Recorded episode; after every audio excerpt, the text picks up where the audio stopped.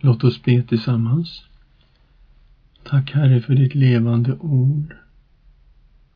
Tack Herre för att det är ditt ord och att du talar till oss genom Bibeln. Och jag ber Herre att du ska öppna våra ögon, öppna våra hjärtan. Fyll oss, o Gud, med din Ande och hjälp oss att ta emot ditt ord i våra hjärtan. I Jesu Kristi namn. Amen. Ja, förra gången så mötte vi det nya Jerusalem och vi såg hur allt det här uppfylldes i det himmelska Jerusalem i Uppenbarelseboken. Vi mötte också en stark messiansk text, en text som Jesus läste i synagogan i Nasaret. Och nu kastas vi in i domsperspektivet igen.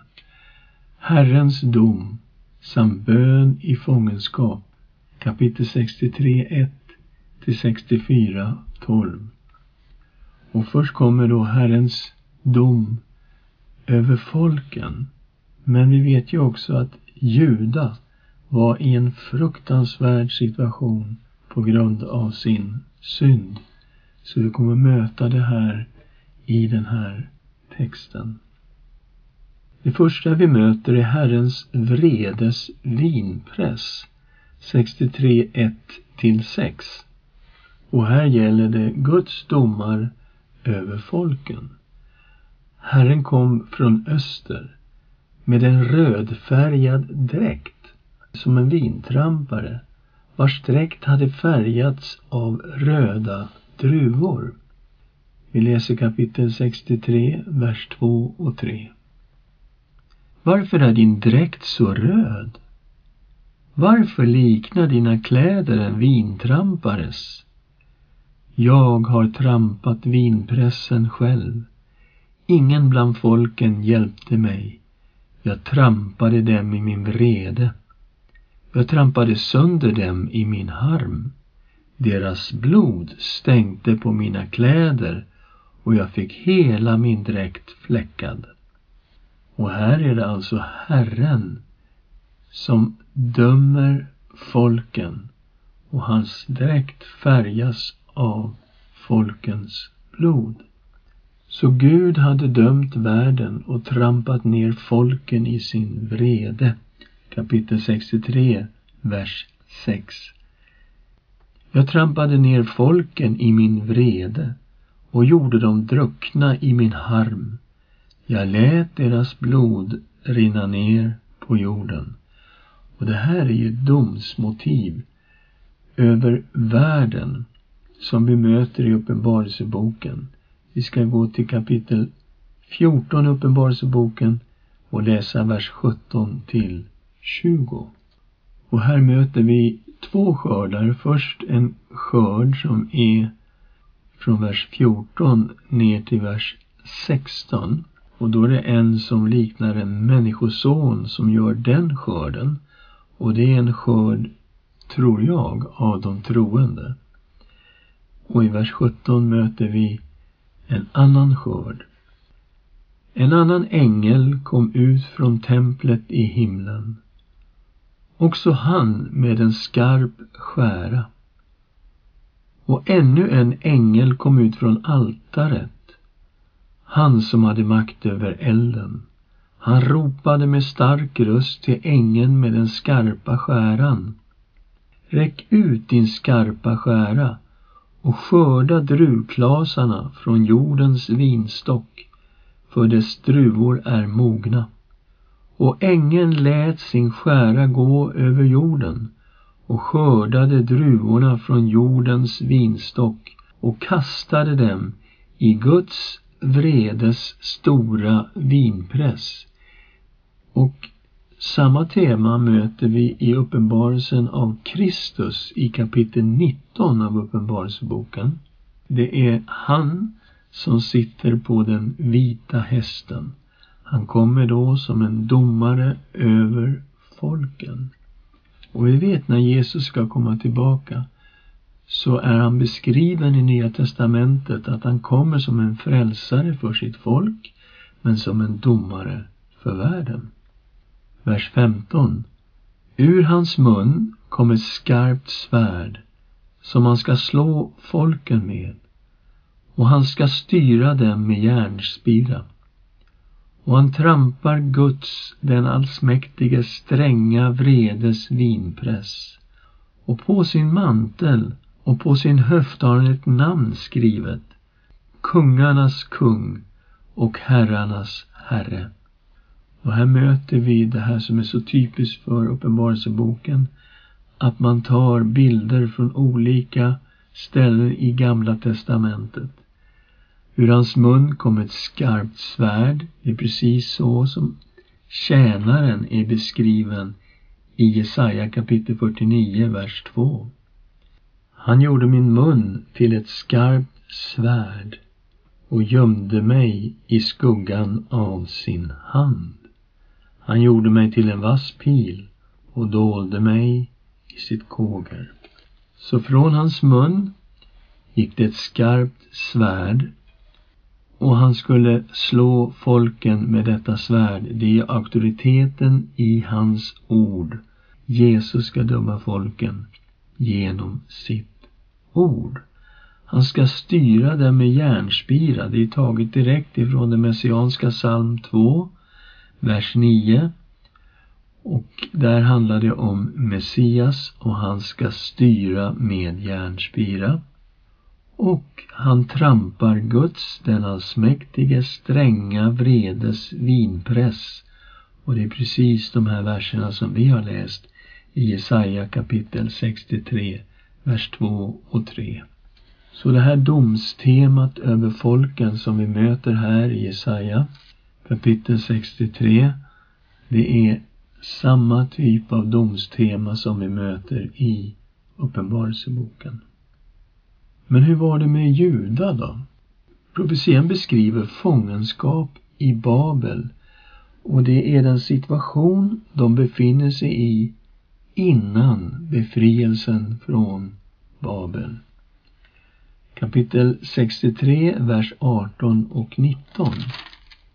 En kort tid ägde ditt heliga folk sitt land. Våra fiender trampade ner din helgedom. Vi har blivit som det som du aldrig varit herre över, som inte har uppkallats efter ditt namn. Så situationen i Juda var katastrofal och templet, det var förstört. Och vi ser samma sak i kapitel 64, vers 10 12. Dina heliga städer är en öken. Sion är en öken. Jerusalem en ödemark.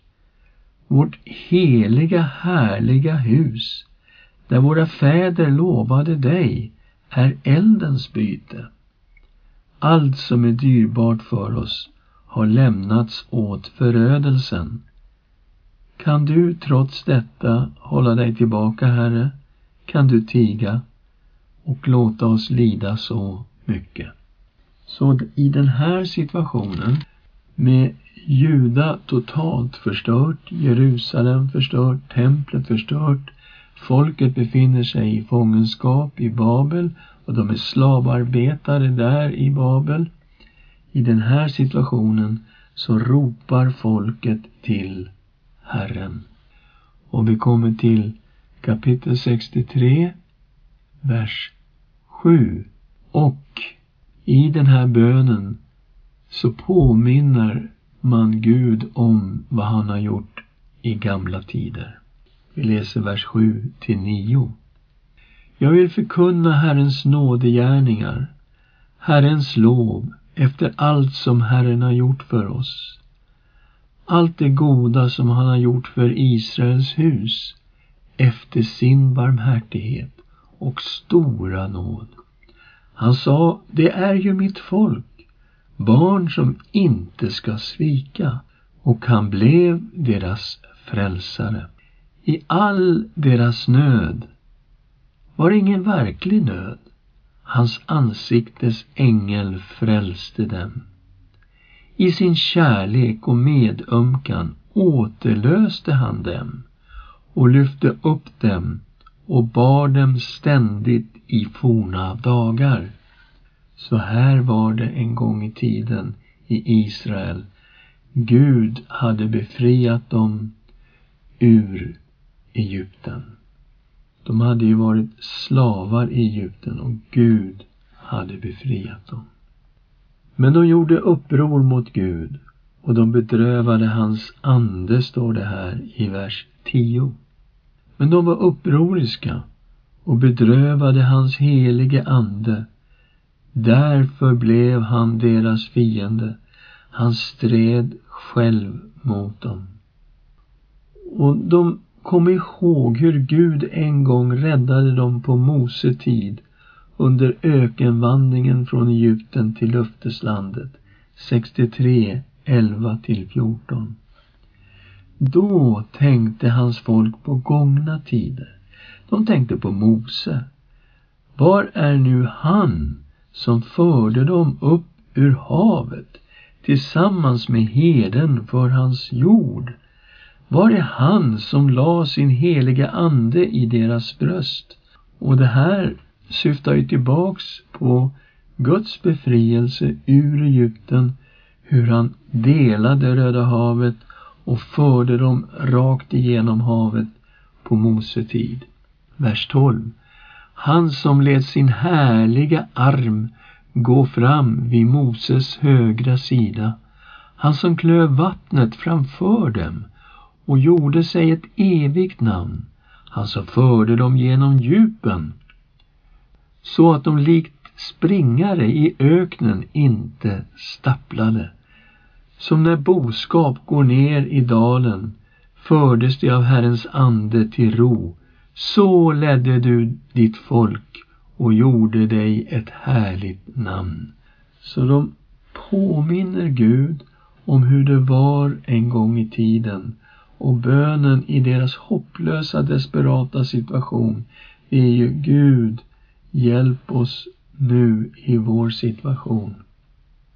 Bön och bekännelse i en desperat situation. Det är 63.15 till 64.12. Och jag utgår ifrån att den här bönen är en bön som kvarlevan ber. De som har vänt om till Herren och som söker honom. Vers 15 till 17. Gud, du är ju vår far. Blicka ner från himlen.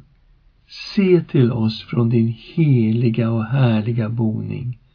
Var är nu din lidelse och din kraft, ditt hjärtas ömhet och din barmhärtighet har dragit sig tillbaka från mig.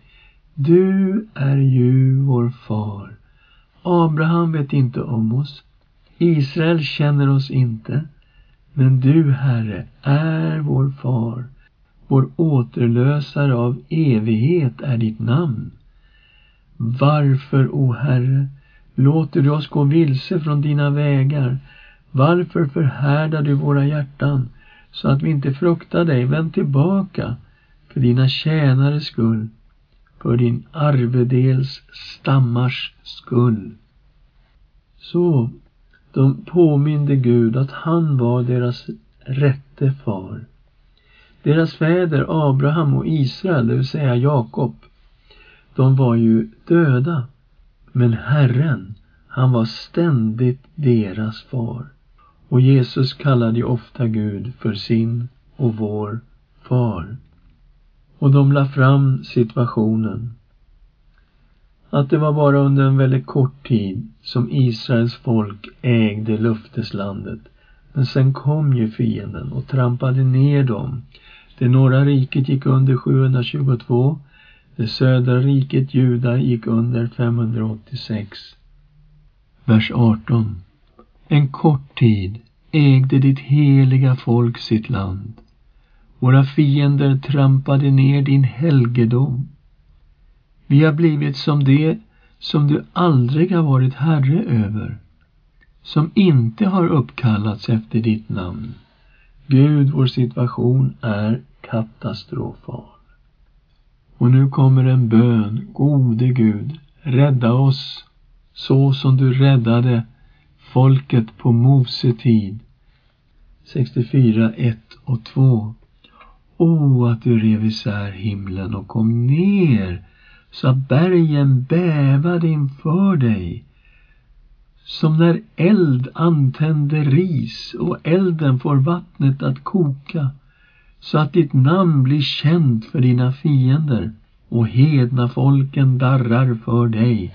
Detta med de bävande bergen, det är vad som hände när Gud gjorde ett förbund med Israels folk vid Sinai berg.